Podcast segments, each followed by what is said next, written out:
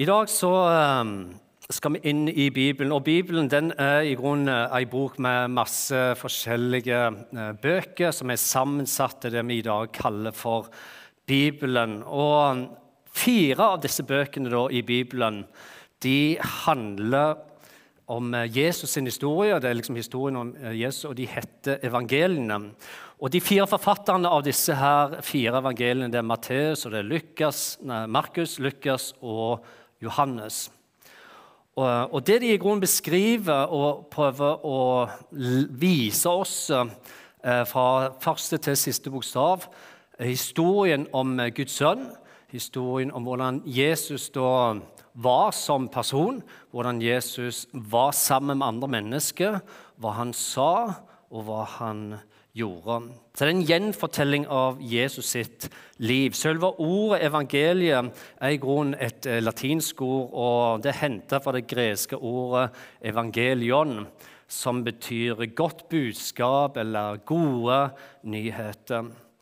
Og Et av disse evangeliene er skrevet, det første, av en mann som heter Matteus også kalt tolleren Matteus. Men hvordan han ble en av de fire som skulle få lov til å skrive historien om Jesus, det er i grunnen mest et mirakel og ei gåte. For det er faktisk ikke mange på den tida som kjente Matteus, som visste hvem han var, som så det komme. Faktisk var det ingen som kunne se for seg at Matteus skulle bli en til å skrive historien om Jesus unntagen Jesus sjøl.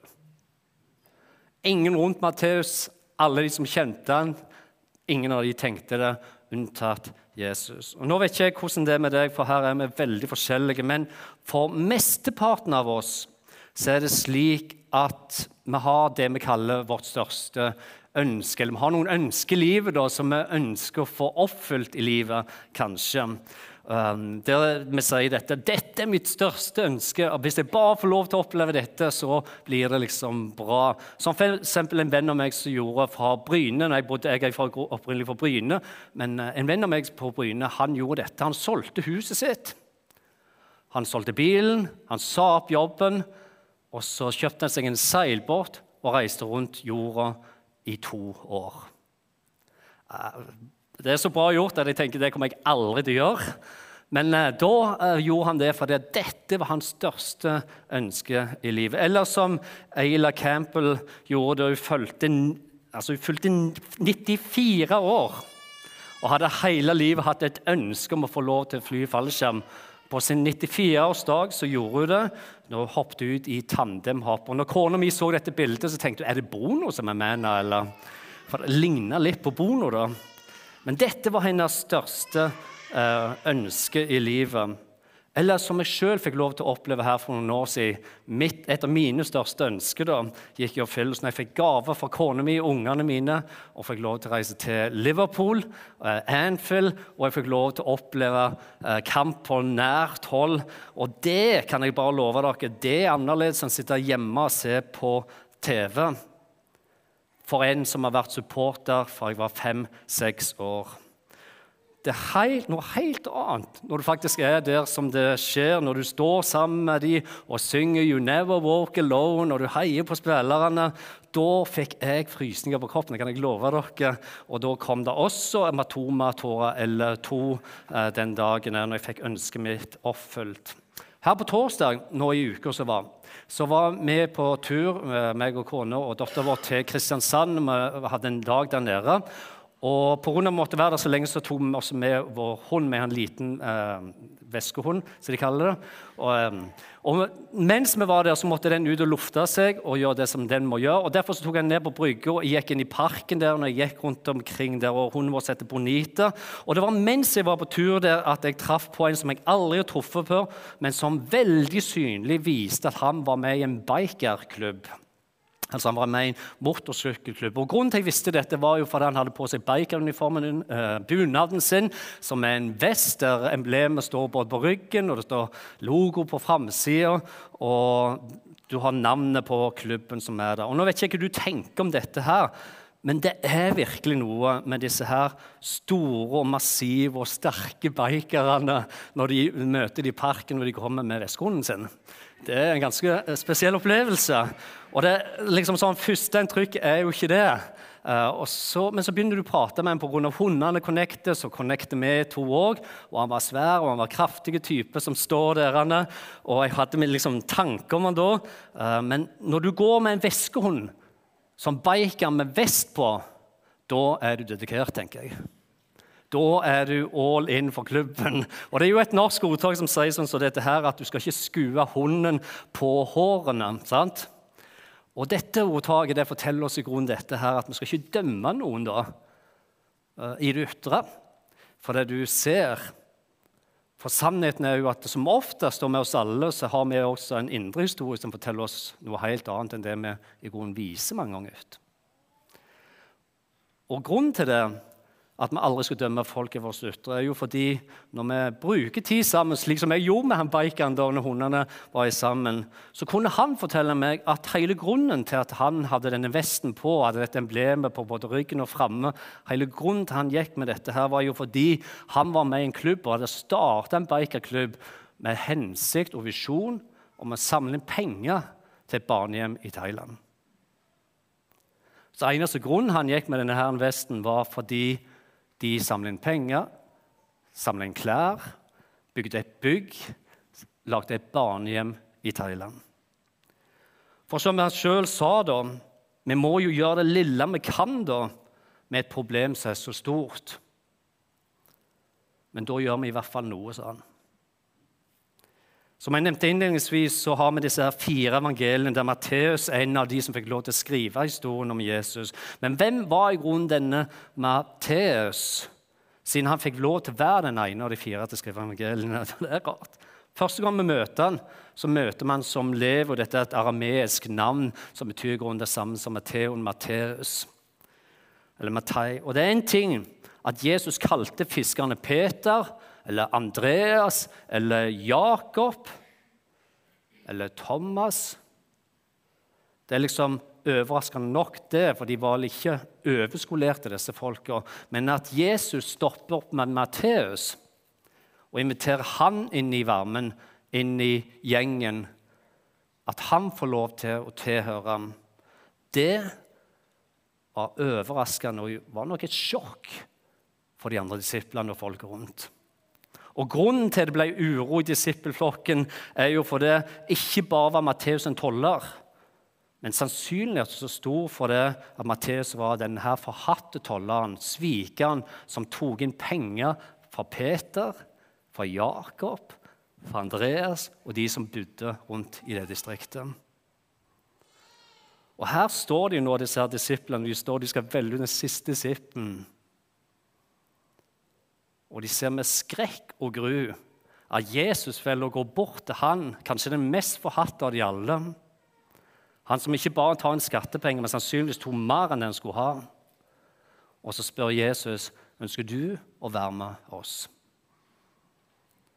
Den som hadde krevd av disiplene, skal han få lov til å tilhøre oss?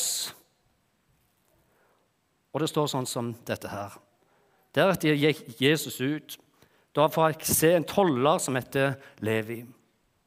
Og Levi han satt på tollboden, står det, og Jesus sa til han, 'Følg meg.'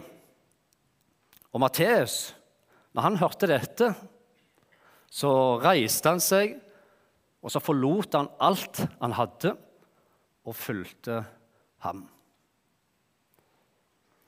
Du ser der Levi, eller Matteus, som han heter, levde sannsynligvis et ganske luksuriøst tollerliv. Der han tjente godt. Han hadde sannsynligvis et ganske svært hus i forhold til de andre. Han hadde et navn i byen, han hadde familie sannsynligvis. Hadde vi flytta han inn i dagens kultur, så er sannsynligheten veldig stor for at han hadde vært høyt i det politiske kvarteret. Han hadde vært på kjendisfestene hadde litt sånn jetset-liv.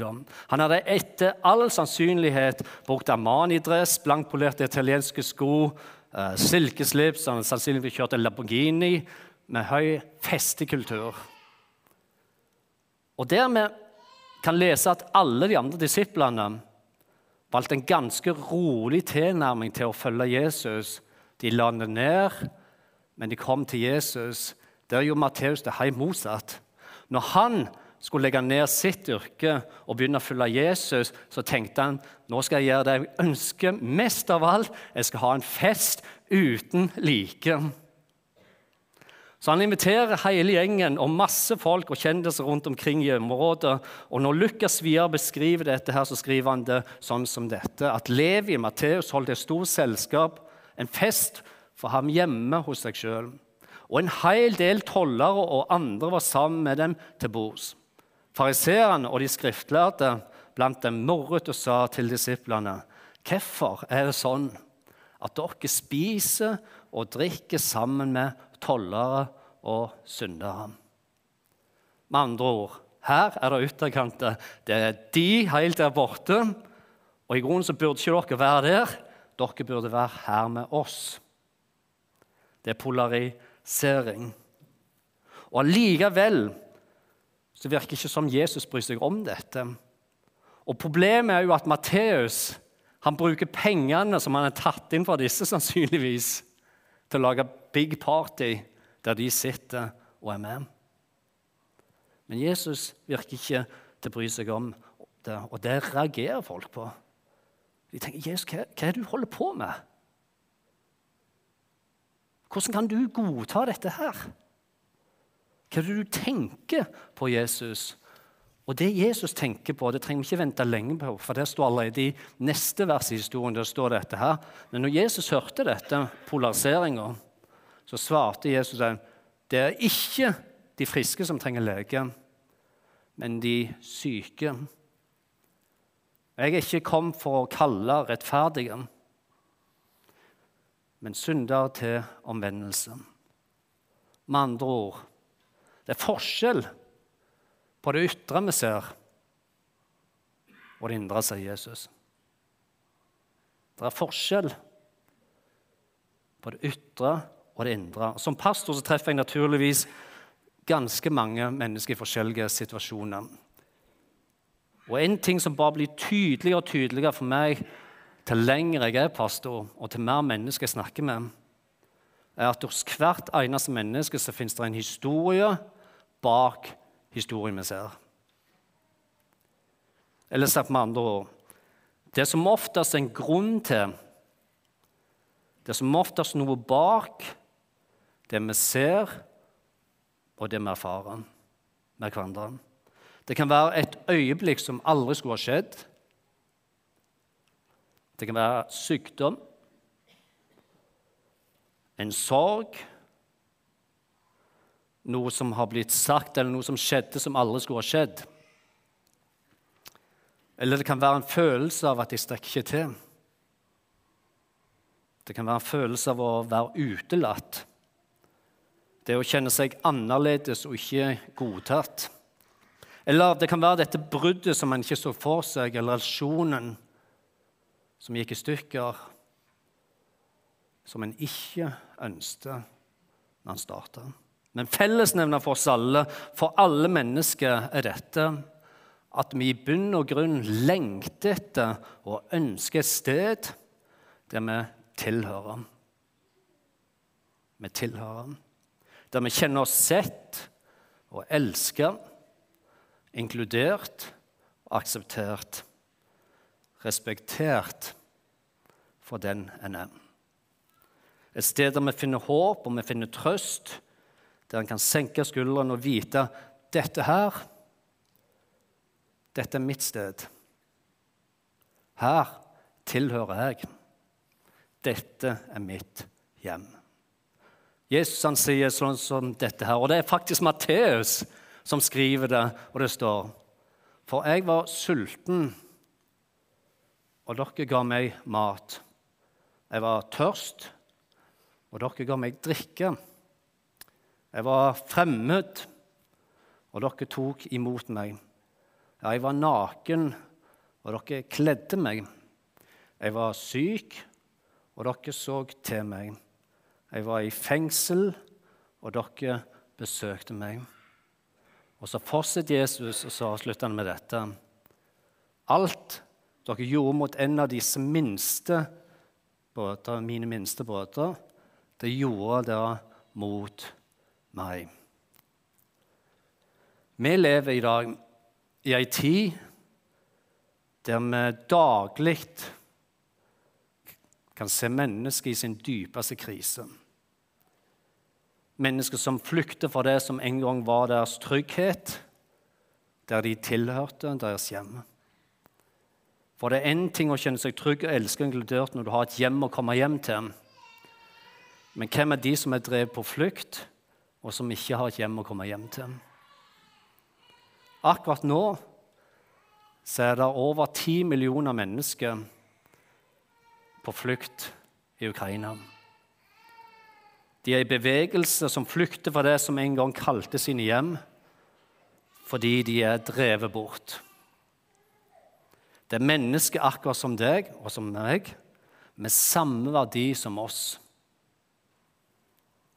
Mennesker med en oppvekst, med en historie, med øyeblikk og hendelser i livet, med relasjoner og mennesker de er glad i. Som gjør at nettopp derfor så er de tvungne til å flykte og ta et ansvar for det kjæreste de har. Om det er krig eller om det er hungersnød, om det er traumatiske opplevelser, om det er mobbing eller vold i hjemmet, overgrep som aldri skulle ha funnet sted, eller det en kjenner at en ikke er inkludert, men er ekskludert, så er det mange mennesker rundt oss som istedenfor å lengte etter det som skulle ha vært et hjem, så flykter en, så holder en seg borte og søker andre steder. Hvorfor? Jo, i håp om å finne et sted der de kan kjenne her får jeg lov til å tilhøre. Er mitt hjem. Deres største ønske er ikke å reise rundt jorda eller hoppe i fallskjerm eller reise på kamp i England. Og Nå sier jeg ikke at vi ikke skal gjøre det. Reis, hopp i fallskjerm, reis til England og få en god opplevelse. Men det jeg sier dere, er dette her, at deres aller største ønske er det vi mange ganger her tar for en selvfølge, overser og glemmer å takke for. Som trygghet, omsorg, det å være elsket, noen kjærlige øyne å hvile i, et fellesskap der du er inkludert og respektert. Et sted å tilhøre. For da handler det jo ikke, når du har sånne sted Da handler det i grunnen ikke om hvor dyr ting er, hvor godt ting er, eller hvor god senga er, eller hvor mye penger en har. Fordi det fins de som har vokst opp i et hjem der alt det materialistiske er på plass. Det er tipp topp. Men allikevel, når en tenker på dem, så er ikke dette et hjem som de skulle ønske det var fordi noe vesentlig mangler. Og så fins det de som har vokst opp i fattige hjem, som er lykkelige, og som vil si at de aldri kunne tenkt å bytte ut oppveksten sin, selv om det ikke var mat i kjøleskapet noen dager der. Fordi kjærligheten og nærheten i dette hjemmet gjorde til et hjem som de aldri ville bytte ut. Fordi kjernen i et godt hjem vil alltid handle om hvilke hjerteslag som dunker hardest i dette hjemmet. Og på samme måte så kan vi si det om menigheten, fellesskapet eller kirka som er en del av. Fordi det vil aldri handle om hvor stort, hvor flott kirka er i det ytre. Men hvilket hjerte som lever i menigheten, og hvilket hjerte som lever i kirken som vi tilhører. Og Her er det nok en del forskjeller ute å gå. Men når jeg hører mennesker si at 'dette er min menighet', 'her tilhører jeg', 'her vil jeg gå', 'her vil jeg gi meg sjøl', 'dette er mitt hjem', liksom. Da har jeg et utrolig positivt eierskap, et ønske om deltakelse, en grunnleggende holdning til å si her ønsker jeg å være med å bygge et hjem. Mens på den andre siden, når jeg hører folk si som dette Deres menighet Eller hva har dere i menigheten tenkt å gjøre med dette? Eller dette må menigheten fikse, noen må jo gjøre noe med dette. Da har jeg distanse, utenforskap. Da opptrer jeg nesten som en gjest, som en betrakter på avstand. Det høres nesten ut som menigheten har hytte jeg bare besøker av og til. Og ikke et hjem som jeg har valgt å skape tilhørighet for andre mennesker, som jeg sjøl fikk være del av. Abraham Maslow, som døde i 1970, han var psykolog og kjent for det som kalles behovspyramiden. Han sa dette her, at de fleste mennesker trenger nære relasjoner for å trives. Altså, Vi trenger alle mennesker i vårt liv. Vi trenger et fellesskap å tilhøre, et sted å kalle vårt hjem. Og Han anså dette her behovet etter mange år med forskning. så lagde han en pyramide. da. Og han anså dette her behovet med relasjoner som så viktig for oss mennesker at når han skulle rangere de grunnleggende behovene vi mennesker har, så satte han kjærlighet og det å tilhøre og være en del av et fellesskap på samme nivå som mat og bolig. Vi lever i en tid der vi sier vi ønsker å være folk og en nasjon som er kjent for inkludering, for mangfold og annerledeshet. Og det er kjempebra. Og det er knallbra, og det er kjempeviktig. Men er det det vi ser? For samtidig som vi ønsker det, så ser vi mer og mer at ytterkantene vokser. Polariseringen blir større. Et samfunn der nyansene, annerledesheten, i mindre og mindre grad aksepteres og ikke minst respekteres. For der en før kunne si at vi er enige om å være uenige Det er greit, det. Men la oss være venner for dem. Der ser vi mer og mer, og i en større grad nå, at enten så er du enig, eller så er du ute. Det forskningen viser oss i stor grad over de siste ti åra, er dette at vi har en forskyvelse, en bevegelse fra det å se på seg sjøl som et individ som er med og bygger fellesskap, til å bli individ som tenker at fellesskapet er til for meg som individ. Noe betyr at det er en større grad før bygde fellesskap som ga muligheten for en bred tiltakelse for mange mennesker til å kjenne at de tilhører, så ser en mer og mer at prisen en betaler for individualismen, er en økende polarisering og avstand.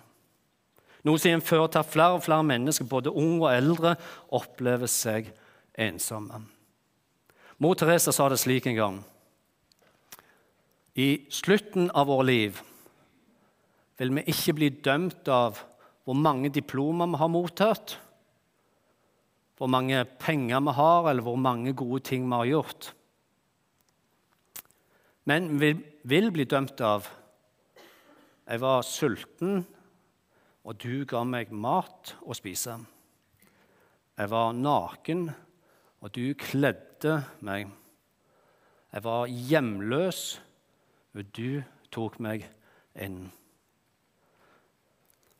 Og Thomas Judin, som er pastor og forfatter, forfatter, han skriver mye om menneskeverd og det å legge merke til de en har rundt seg, men også forstå hvilken verdi alle vi mennesker bærer med oss i oss sjøl som mennesker, fordi en er skapt i Guds bilde.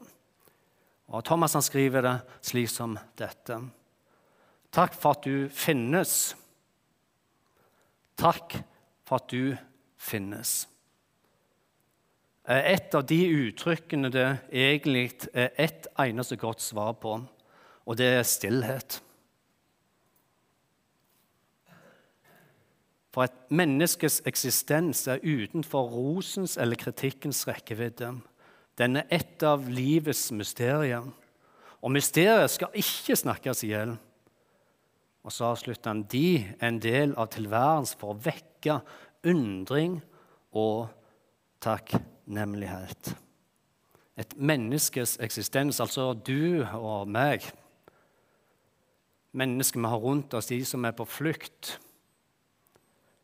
De som ikke kjenner på tilhørighet. Et menneskes eksistens.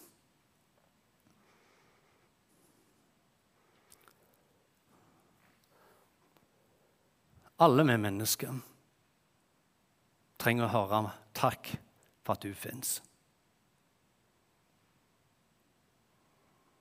Og tingen er jo den at alle vi har noen rundt oss i våre liv som trenger å høre at vi sier 'takk for at du fins'. Vi er alle mennesker som er gitt oss rundt oss, som kanskje mer enn noen gang trenger å vite at du er takknemlig for dem. At vi er slike som bryr oss nettopp om at de fins. At vi ikke ser det ytterligere først.